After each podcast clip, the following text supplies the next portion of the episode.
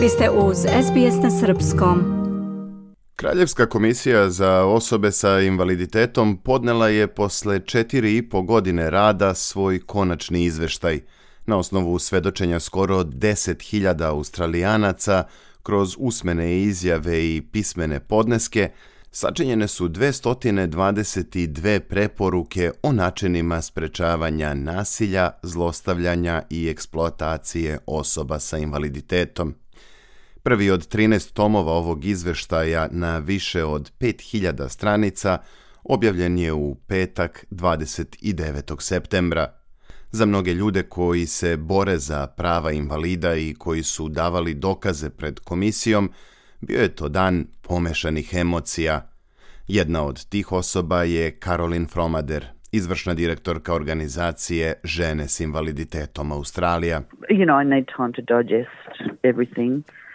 Um, Prvo moram sve ovo da procesuiram. Nervozna sam, ali i puna nade.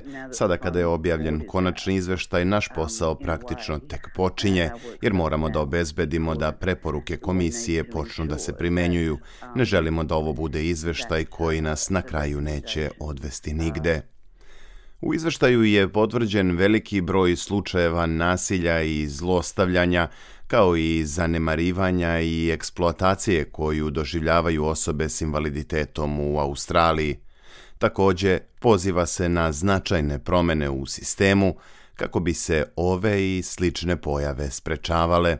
Među ključnim reformama koje predlaže komisija su uspostavljanje novog zakona o pravima osoba s invaliditetom, zatim zaštita od blaćenja, kao i poboljšan i kulturološki bezbedniji pristup podršci osobama s invaliditetom koji su pripadnici prvih naroda i različitih multikulturnih zajednica. Izvršni direktor organizacije Mreža pripadnika prvih nacija s invaliditetom Damien Griffiths takođe je svedočio pred Kraljevskom komisijom. On kaže da je rad komisije sa autohtonim narodima bio izuzetan. We often say Griffiths je rekao da je teško zamisliti bilo koga u nepovoljnijem položaju od pripadnika prvih nacija koji žive s invaliditetom. Dugo smo razmišljali o tome kakvi mogu biti odgovori državne politike i službi na ovaj problem i imali smo veoma snažan angažman s komisijom i sa određenim brojem komesara. Naročito nas je ohrabrila činjenica da je komesarka Andrea Mason bila komesar za prave nacije. Od ukupno 222 preporuke koje je dalo sedam komesara, 99 ih je podneto samo za Commonwealth, 67 njih je zajedničko za sve države, teritorije i Commonwealth, dok se 55 preporuka odnosi na pojedinačne države i teritorije. Savezna ministarka za socijalne usluge Amanda Rishworth reagovala je na ovaj izveštaj priznajući propuste iz prošlosti i obećavajući da će se na nivou Commonwealtha uspostaviti nova radna grupa Kraljevske komisije za invalide. The message of this report is clear. We do need to do better. Poruka ovog izveštaja je jasna, moramo da radimo bolje. Tokom protekle četiri godine iskustva koja govore o nasilju, zlostavljanju, zanemarivanju i eksploataciji ljudi s invaliditetom šokirali su Australijance. Oko 55 od 100 osoba sa invaliditetom starosti između 18 i 64 godine bili su fizički ili seksualno zlostavljani od svoje 15. To je znatno veći procenat nego kod odraslih osoba bez invaliditeta u istoj starosnoj grupi, rekla je ministarka Rišvort i napomenula da ovo nisu samo statistički podaci, već iskustva stvarnih ljudi. Saslušanja pred Kraljevskom komisijom koja su vođena od 2019. iznala su na videlo mnoge mučne priče o zanemarivanju i maltretiranju ljudi sa invaliditetom.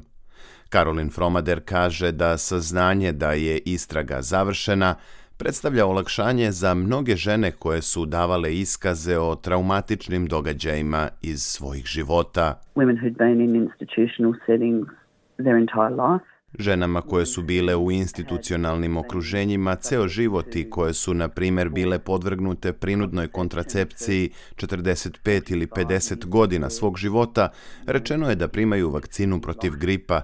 Mi smo omogućili ženama u tim okruženjima da ispričaju veoma eksplicitne stvari, priče o seksualnom nasilju tokom života, ali opet one nemaju apsolutno nikakav pristup pravdi, jer su imale intelektualni nedostatak, kaže Fromader.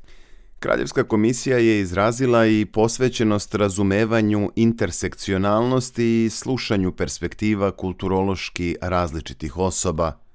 Također se čulo o jedinstvenoj marginalizaciji s kojom se suočavaju pripadnici prvih nacija s invaliditetom, kao i o poteškoćama u pristupu podršci u zabačenim zajednicama – Demian Griffiths kaže da je razumevanje perspektiva prvih nacija o invalidnosti ključno za realizaciju inkluzivne Australije, koju izveštaj Kraljevske komisije postavlja kao svoj cilj.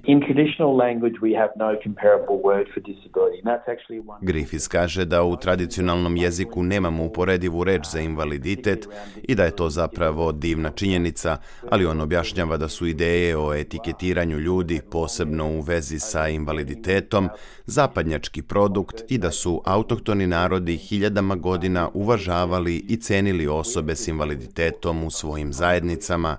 Pripadnici prvih nacija sada žele da budu lideri u inkluziji i da podele svoja iskustva i znanja sa ostatkom Australije.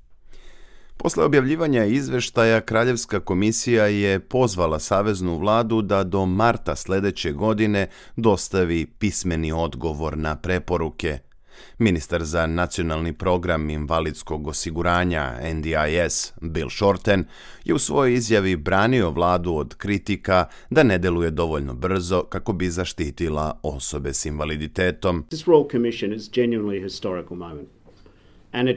Ova kraljevska komisija je istorijski trenutak i podsjeća Australijance da je previše ljudi s invaliditetom izloženo nasilju, zlostavljanju, eksploataciji i zanemarivanju.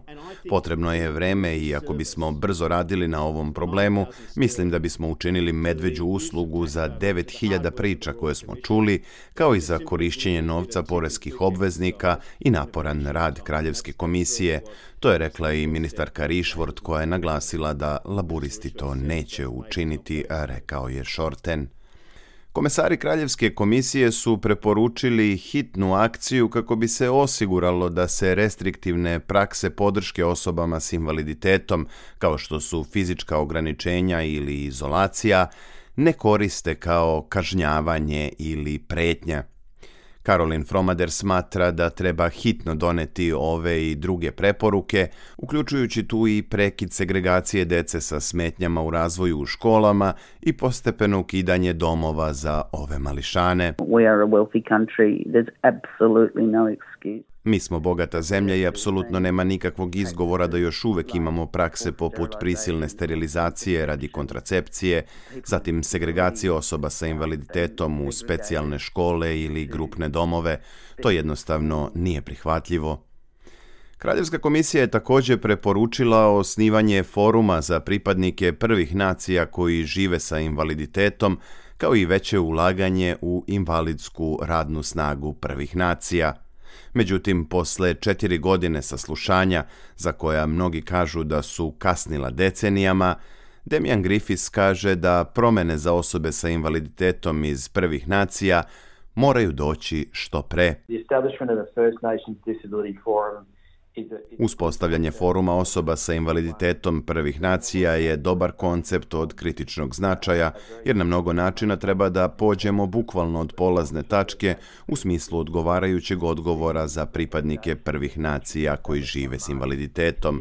Preporuka je da forum počne do marta sljedeće godine i mi želimo da krenemo s tim što je premoguće. Autorka izveštaja je Penri Bakli iz informativne redakcije SBS-a. Ja sam Branko Cvetojević. Ostanite uz program na srpskom. Želite da čujete još priča poput ove? Slušajte nas na Apple Podcast, Google Podcast, Spotify ili odakle god slušate podcast.